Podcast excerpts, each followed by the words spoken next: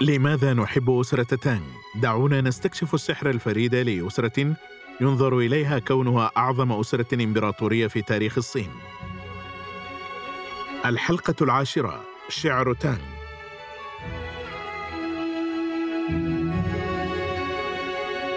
في هذه الحلقة سنتعرف على شعر تانغ ونكتشف كيف تطور على مدى 300 عام من حياة الأسرة المالكة. معكم أسامة مختار في السلسلة الصوتية.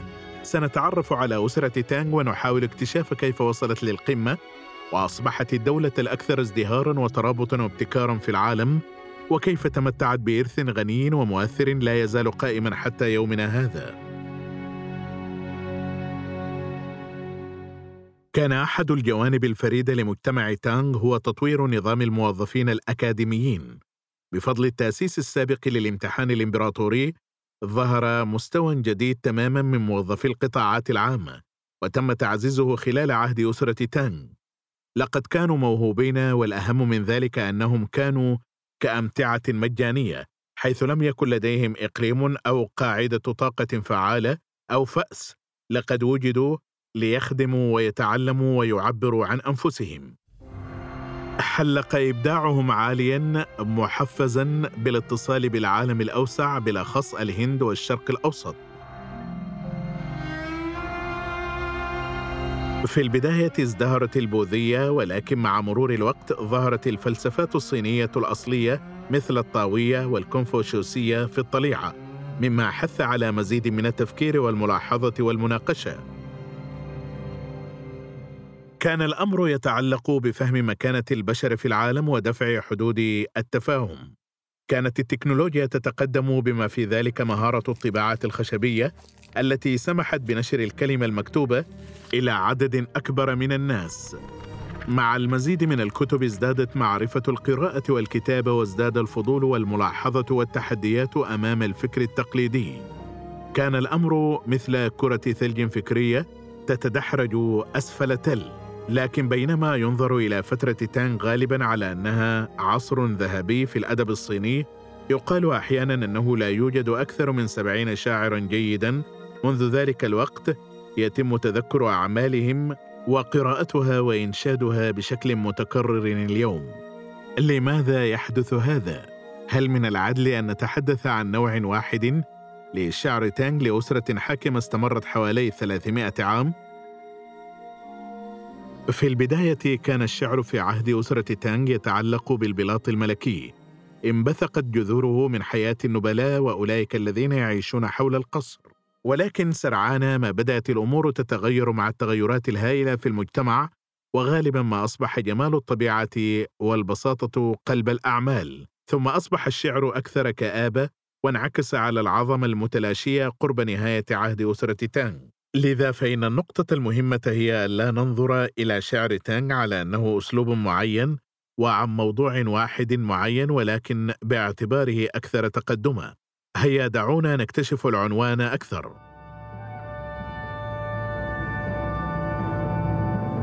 يقدر أن هناك حوالي خمسين ألف قصيدة كتبها حوالي 2300 شاعر من عصر تانغ بقوا حتى يومنا هذا. ويبدو هذا كثيرا لكن تذكر أننا نتحدث عن أجيال عديدة داخل أسرة استمرت ثلاثة قرون. في الغالب كان لديهم الكثير للكتابة عنه. تذكر أن الغالبية العظمى لديهم وظائف يومية مما يساعد في إدارة البلاد ومما يعني أنهم واجهوا الحياة اليومية والإنجازات والمشاكل. سافر العديد منهم للعمل وبالتالي زاروا أماكن عديدة. إما في مهمات من المحكمة أو في بعض الأحيان بسبب خفض رتبتهم وهذا بحد ذاته يمنحهم متسعا من الوقت للتأمل في مكانتهم في الحياة والثروات والمصائب غالبا ما توجد القوائم مع 300 أو نحو ذلك من قصائد تانغ ذات الأهمية لكن أشهر كاتبين من أسرة تانغ هما على الأرجح لي باي ودوفو. اشتهر لي باي بالرومانسية بينما كان دوفو ينظر إليه على أنه عالم أخلاق كونفوشيوسي يتمتع بإحساس صارم بالواجب تجاه المجتمع. ثم كانت هناك شويتاو التي كانت شاعرة مشهورة آنذاك وهناك الشاعر والرسام وانغ وي كان ذلك اندماجا شائعا في الواقع وفي غاية الأهمية عند مناقشة دور الأدباء في مجتمع تانغ. رأينا ظهور بايتشو إي لاحقا الذي اشتملت أشعاره في كثير من الأحيان على نقد المجتمع في ذلك الوقت. دعونا نتعرف عليهم لنرى كيف تعكس أعمالهم الأوقات المتغيرة لتانغ. يغرد زوج من الأوريول الذهبي فوق الصفصاف الأخضر الزمردي. يحلق صف من البلشون الأبيض في السماء الزرقاء. أراقب جبال شيلينغ الثلجية من نافذتي إلى الغرب وتأتي سفن من بعيد من بابي إلى الشرقس.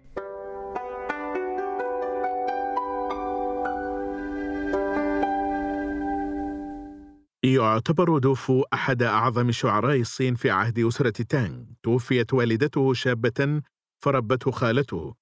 حاول اجتياز الامتحان الإمبراطوري لكنه فشل وبدلا من ذلك سافر وكتب الشعر. حكت أشعاره عن المغامرات والصعوبات التي كان عليه تحملها على طول الطريق. يعد تمرد آلوشان حدثا صادما ثقافيا. شهد على وحدة الأسرة التي هددتها القوى الإقليمية إلا أنه منع دوفو من تولي منصب رسمي. لكنه استغل الوقت في الكتابة عن المجاعة والاضطرابات السياسية ومأساته الشخصية. لا بد أنه كان أحد المسؤولين القلائل في أسرة تانغ الذين تم تنزيل رتبتهم بسبب ضميرهم المتيقظ. يوصف دوفو بأنه شاعر مؤرخ لأنه يعكس مجموعة من الاهتمامات الخاصة والتجارب والدراما. أنا على متن السفينة على وشك الإبحار. فجأة سمعت صوت الغناء على الشاطئ. قد يكون حوضا من زهور الخوخ ذات القامات العميقة. مهما كانت عميقة فلن تبلغ نفس عمق مشاعر وانغ لونغ إلي ربما ولد لي باي في آسيا الوسطى ونشأ في مقاطعة سيتشوان.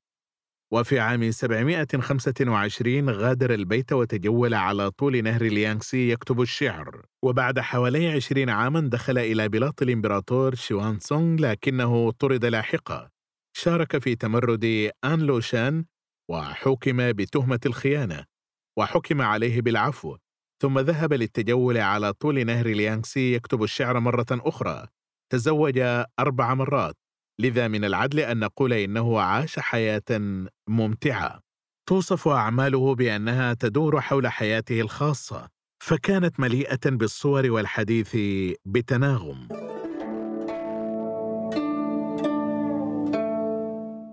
مندهش لرؤية السماء والأرض كمكان قفر أبيض. لمحت الجبال الزرقاء القديمة عند غروب الشمس. كنت أعتقد أن القوة العظمى يمكن أن تنيرنا لكن الحياة الحقيقية والمعيشة تأتي من الضوء المستعار. كانت شوتاو ابنة موظف حكومي بسيط يقال إنها كانت قادرة على كتابة قصائد معقدة في سن السابعة أو الثامنة. بعد وفاة والدها يعتقد أنها كانت فقيرة جدا لدرجة أنها اضطرت لكسب لقمة العيش بطريقة تقدر عليها. في مرحلة ما تم تسجيلها في نقابة المحظيات والفنانين الترفيهيين في جوندو وكانت مهنة تشجع على المحادثة والمواهب الفنية. بفضل قدراتها لفتت انتباه الحاكم العسكري الذي جعلها مضيفة رسمية له مما سمح لها بالتنقل بين الأوساط الفنية آنذاك. لم يتبقى أكثر من مئة من قصائدها في الوقت الحاضر.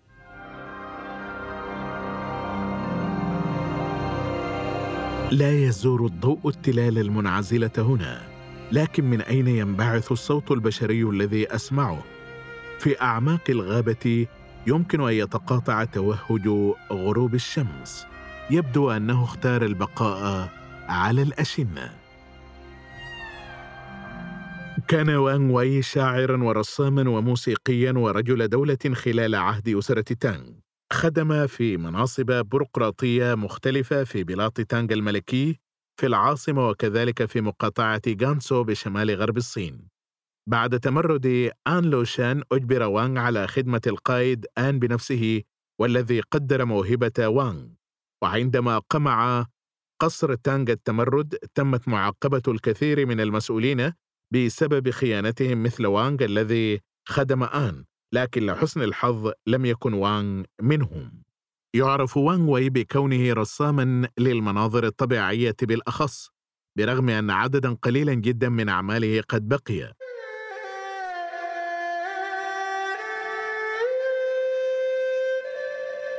جسد شعر وانغ وي طائفة الزن البوذية كنموذج للانفصال والبساطة. استخدم التفاصيل في قصائده باعتدال. وكثيرا ما فضل أن يروي الظواهر الطبيعية مثل الماء والضباب بدلا من الوجود البشري. وسط جمال الشاطئ الجنوبي مع المشاهد التي أعشقها تكون الزهور على ضفاف النهر أكثر احمرارا من النار عند شروق الشمس. تتعالى الأمواج الخضراء بلون أزرق كأنها ياقوت في الربيع. ولا يسعني إلا الإعجاب أمام هذا الجمال. كان لدى بايجو إي شعور قوي بالمسؤولية الاجتماعية مثل دوفو. لكنه كان مثيرا للشغب. تجاوز الخط الأحمر كموظف في القصر ونفي نتيجة لذلك ويقال إن والدته توفيت وهي شابة بعد أن سقطت وهي تنظر مليا إلى بعض الزهور. لذا لا عجب أن تتميز أعماله بتأمل بسيط في هشاشة حياة الإنسان. وربما جعل هذا كل هؤلاء الشعراء والقصائد ممثلين لأسرة تان ككل لقد كان اهتمامهم بالتفاصيل والطبيعة المكثفة لأعمالهم المليئة بالملاحظة والمعاني. الأمر الذي جعل أشعارهم قصيرة ومباشرة ولكنها عميقة. ولكن أيضا بسبب مكانتهم في المجتمع وأنشطة سكان تانغ وحياتهم اليومية وأنشطتهم الشخصية وحبهم وآلامهم والسياسة ارتبطت أعمالهم الفنية ارتباطا وثيقا بالعالم من حولهم. اجتمع الشعر والخط والرسم كوسيلة للتعبير معه وكان هذا بمثابة اتصال حقيقي متعدد الوسائط. لقد أبدعوا مناظر مرسومة بشكل جميل ونقشوا بالخط وبخبرة واسعة. كان كل هذا على يد شعراء تانغ المهارة. شكرا لكم لحسن استماعكم وانتظرونا في الحلقة القادمة.